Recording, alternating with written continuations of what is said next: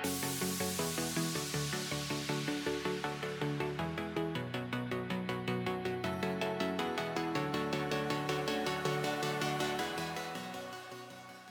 semuanya, ketemu lagi sama gue Aditya Hadi alias Kita Baca Buku. Buat kalian yang mungkin belum pernah dengerin podcast ini sebelumnya Podcast Buku itu adalah sebuah podcast yang membahas tentang berbagai hal menarik dari dunia literasi Biasanya berupa review buku, obrolan dengan penulis atau penerbit, serta hal-hal lain yang seru untuk dibincangkan. Dan semuanya gue sampaikan dengan gaya semau gue. Karena ini adalah episode pertama di tahun 2020 Duh, gue mulai harus membiasakan diri ngomong 2020 gue mau ngucapin selamat tahun baru 2020 dan buat kalian yang tahun baruan selamat menikmati hujan ini gue rekaman tanggal 1 Januari 2020 dan di luar juga masih kayak hujan. Mungkin kalau yang bisa dengar ini backsoundnya masih ada kayak hujan-hujannya gitu. Dan ya. Mudah-mudahan di tahun yang baru ini kita bisa kayak dapat berbagai hal yang kita harapkan lah ya. Amin. Dan di episode kali ini gue mau ngebahas sebuah buku yang pengarangnya tuh gue suka banget karena pengarangnya itu dua. Cowok cewek dan pasangan ini tuh udah pernah bikin buku bagus yang judulnya Illumine. Ya, gue mau bahas buku karangan Jay Christoph dan Amy Kaufman. Buat kalian yang belum tahu Illumine itu kayak gimana, bisa langsung dengerin episode gue yang nomor 20 dan di bulan Mei 2019, si Jay Christoph sama Amy Kaufman ini baru merilis buku terbaru yang berjudul Aurora Rising. Jadi buku ini tuh buku pertama dari mungkin nanti akan ada beberapa seri buku selanjutnya. Gue lihat di Goodreads ratingnya lumayan bagus 4,17 walaupun dari banyak banget rating dari 15.219 rating yang diberikan oleh para pembaca. Jadi ini cukup oke okay banget dan dia juga masuk nominasi Goodreads Choice Award untuk kategori yang Adult Fantasy and Science Fiction di tahun 2019 juga. Jadi gue, wah nih kayaknya gue mesti baca ini buku ini. Akhirnya gue baca sebelum tahun baru kemarin dan selesai dan langsung gue review sekarang. Mungkin buat yang udah baca Illumine tahu kalau kejadian yang diceritakan di situ itu berlatar di tahun 2575. Dan Aurora Rising ini kalau secara timeline itu hadir sebelumnya, yaitu tahun 2380. Di masa itu, umat manusia itu udah lumayan pesat perkembangannya. Jadi kita udah bisa nemuin alien, kita udah bisa tinggal di planet lain, bisa tinggal di galaksi lain bahkan dan sebagainya. Karena itu susunan kayak kepemerintahan, tentara dan lain sebagainya itu juga berubah. Jadi uh, bumi atau umat manusia ini biasa disebut dengan bangsa Teran. Jadi kita punya uh, tim militer yang namanya Teran Defense Force. Kemudian secara global kita juga si manusia juga punya apa agency intelijen yang namanya Global Intelligence Agency, mirip-mirip CIA tapi global. Kemudian juga ada tim peacekeeping atau yang menjaga perdamaian. Kalau di dunia kan sekarang ada PBB, UN. Nah, di masa depan itu digambarkan ada namanya Aurora Academy. Aurora Academy ini kayak semacam apa ya instansi atau perusahaan atau kelompok yang itu dia tugasnya ngasih-ngasih bantuan menjaga perdamaian kalau ada yang lagi bertikai dia pisahin dan lain sebagainya dan di Aurora Academy ini nggak cuma manusia, tapi ada juga kaum Betraskan sama kaum Sildrati.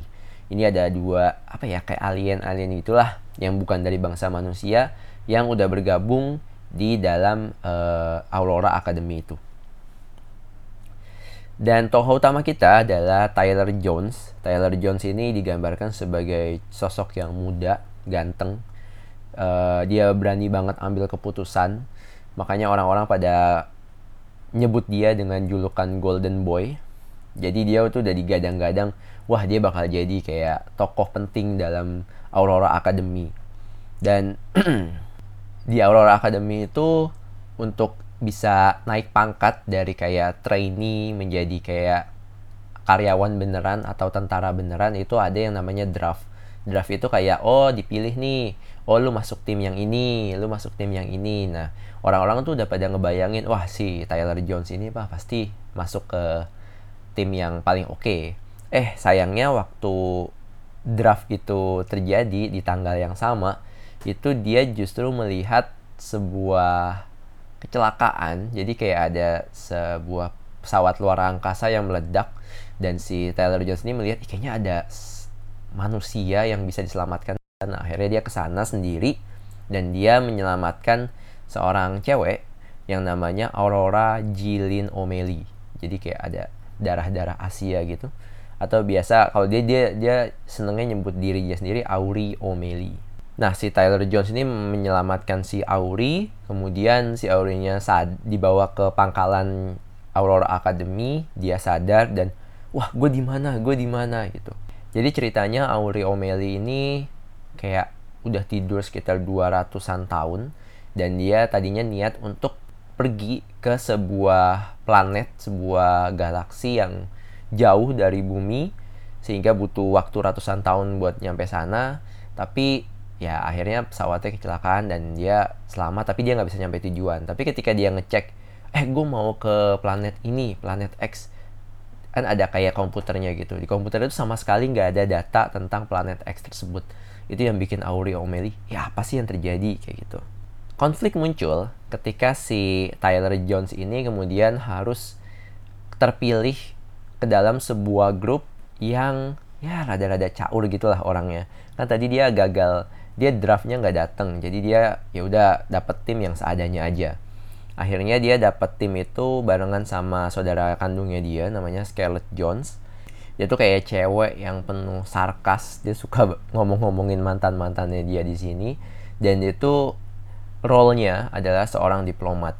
Jadi di Aurora Academy itu ada beberapa role untuk sebuah tim. Jadi sebuah tim itu pasti ada diisi oleh leader atau alpha kemudian ada orang yang bisa bernegosiasi atau diplomat bisa biasa disebut faces kemudian ada tanks yang tukang berantem berantem kemudian ada brains orang yang paling pintar kemudian ada aces ini yang biasa jadi pilot pesawat kemudian ada gearheads itu yang pintar dengan permesinan dan lain sebagainya. Nah di timnya Tyler ini Tyler sebagai leader pimpinannya kemudian Scarlett itu saudaranya sebagai diplomat Kemudian ada Catherine Brannock yang merupakan pilot dan biasa dipanggil Cat dan dia sebenarnya ada deket juga sama si Tyler. Nah ini jadi konflik tersendiri nanti. Kemudian ada Zila Madran, ini dia orang yang paling pinternya atau brains. Dia juga bangsa Teran. Nah kemudian ada alien juga di situ, yaitu Finian the Seal. Ini dia role-nya sebagai gearhead, sebagai orang yang ngerti mesin. Dia berasal dari kaum Betraskan, masih 19 tahun. Kemudian ada Kalis Gilrate.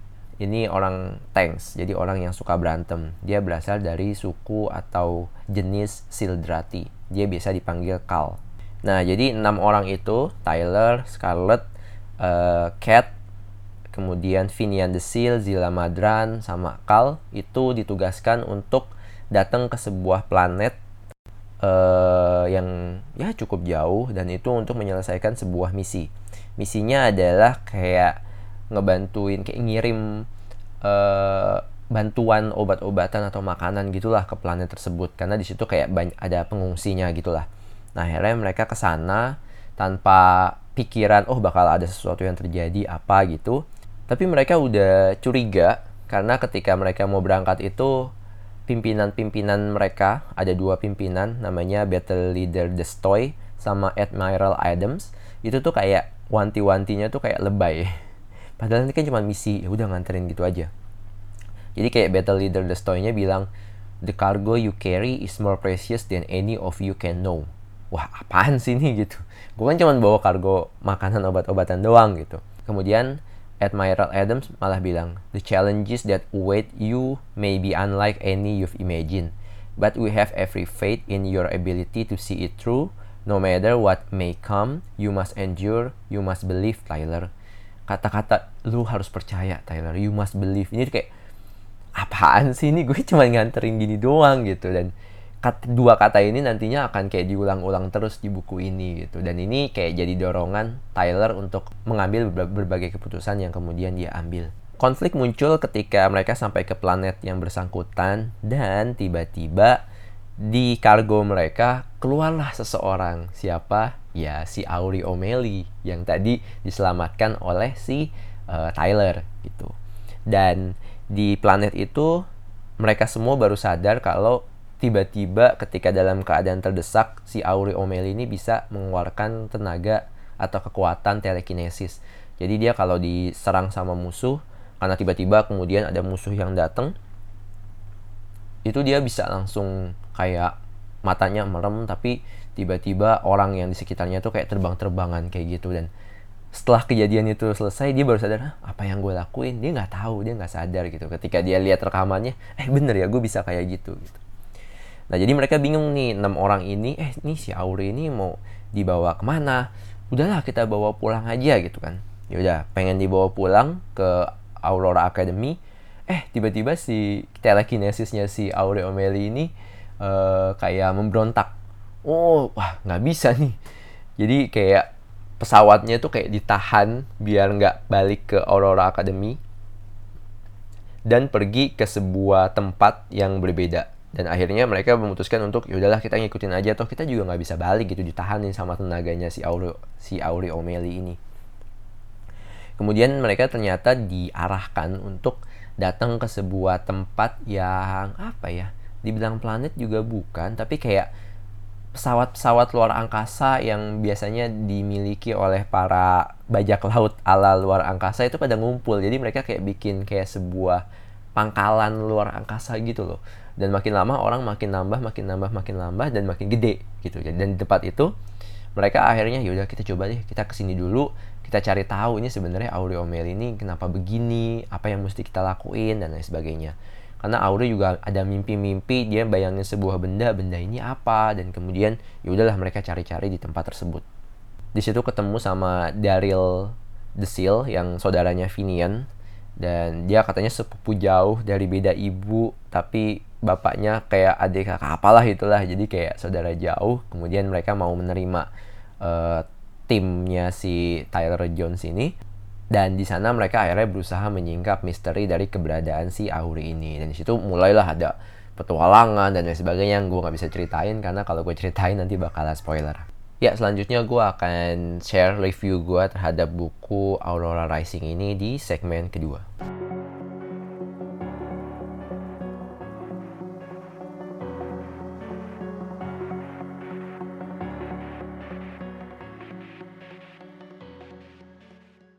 Untuk buku Aurora Rising karya Amy Kaufman dan Jay Christoph, gue bisa ngasih 4 5 bintang.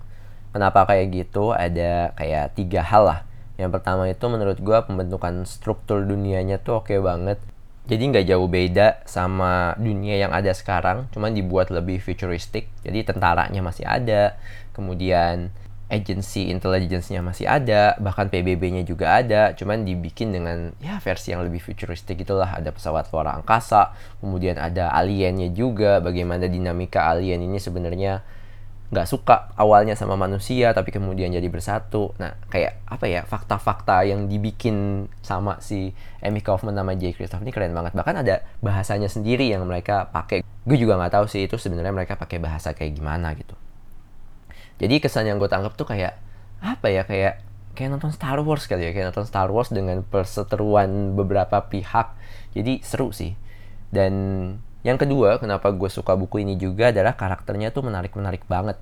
Jadi kayak ya Tyler Jonesnya dia disebut Golden Boy bukan tanpa alasan jadi emang digambarin dia kayak ganteng dan dia berani ambil keputusan. Berantem juga oke. Okay.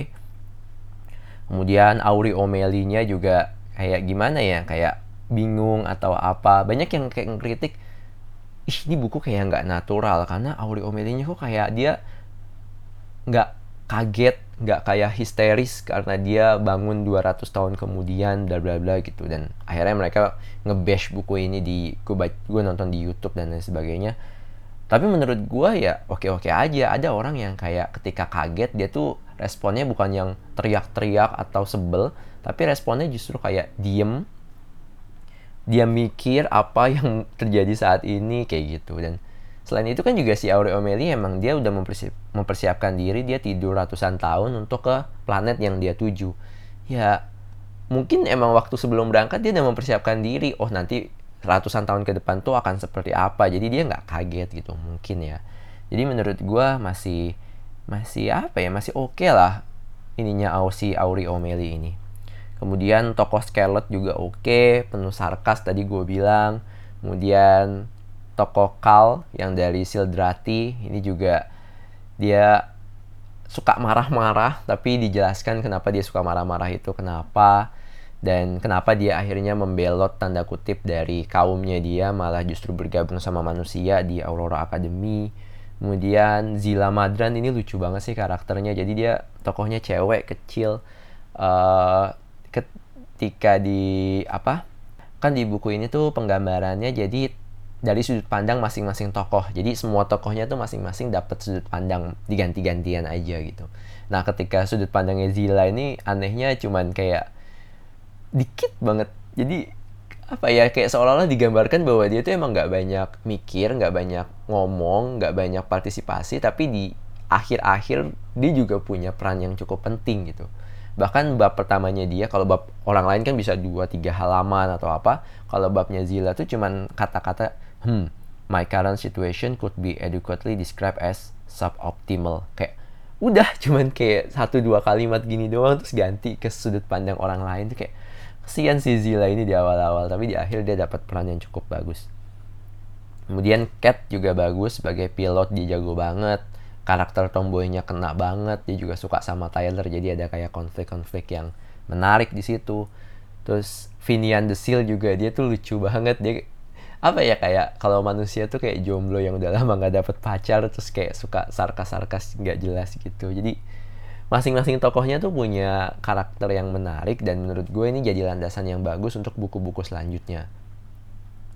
Cuman yang poin gue yang kurang menurut gue adalah emang rada bingungin sih ketika ganti-ganti sudut pandang dari Tyler ke Cat ke Carl ke mana itu kadang-kadang gue missing gitu.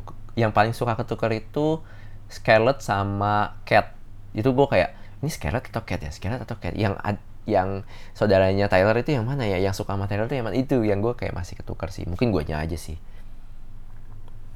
Dan hal ketiga kenapa gue suka sama buku ini adalah konflik asmaranya tuh menarik. Jadi gimana ya? Mungkin ketika Illumine tuh konflik asmaranya tuh lebih ke yang subtle gitu ya. Tapi di sini tuh bener-bener kelihatan ada yang kayak PDKT, ada yang kayak ngegodain, ada yang apa dan menurut gue itu menarik sih. Uh, apa ya? Nanti kalian baca sendiri mungkin kalau kalian suka. Tapi apa ya? Hubungan asmara yang gue pengen tahu banget di kemudian di lanjutan buku ini adalah soal si Scarlett Jones sih. Gue pengen tahu nanti dia jadinya sama siapa. Gue suka orang-orang pada bilang, ih Scarlett nih cocok sama Finian gitu. Tapi gue justru Scarlett ini cocok sama sepupunya Finian gitu. Kayak si Daryl Devine kayak, ah gue konflik itu yang menarik sih menurut gue. Nanti kalian baca sendiri aja deh. Ya, yeah, I think sekian review dari gue. Jangan lupa follow podcast ini terus di Spotify dan SoundCloud biar kalian bisa dapat update kapan gue ngeluarin episode baru. Dan kalau kalian juga mau ngasih rekomendasi ke gue tentang buku yang mesti gue review, penulis yang mesti gue ajak ngobrol, atau topik-topik lain, bisa aja langsung reach out gue di Instagram at podcast buku kutu, di Twitter at podcast buku, dan lewat email juga bisa di podcastbukukutu at gmail.com. Mungkin sebagai pengumuman, jadi mulai awal Januari 2020 ini dan seterusnya, podcast buku itu juga mulai didukung oleh teman podcast lain yaitu Potluck Podcast untuk kayak pembuatan uh, episodenya atau kualitas suaranya juga dibenerin. Jadi gue harapkan dengan kerjasama antara podcast buku kutu dan Potluck Podcast, nanti apa yang kalian dapat di podcast buku kutu juga bisa jadi lebih enak lah. Tapi nggak akan ada yang berubah, top apa yang gue omongin kontennya juga masih sama cuman gue harap nanti akan ada lebih naiklah kualitasnya di tahun ini lah setelah 2 tahun gue jalanin podcast ini yeah, I think that's all. Thank you for listening. See you and ciao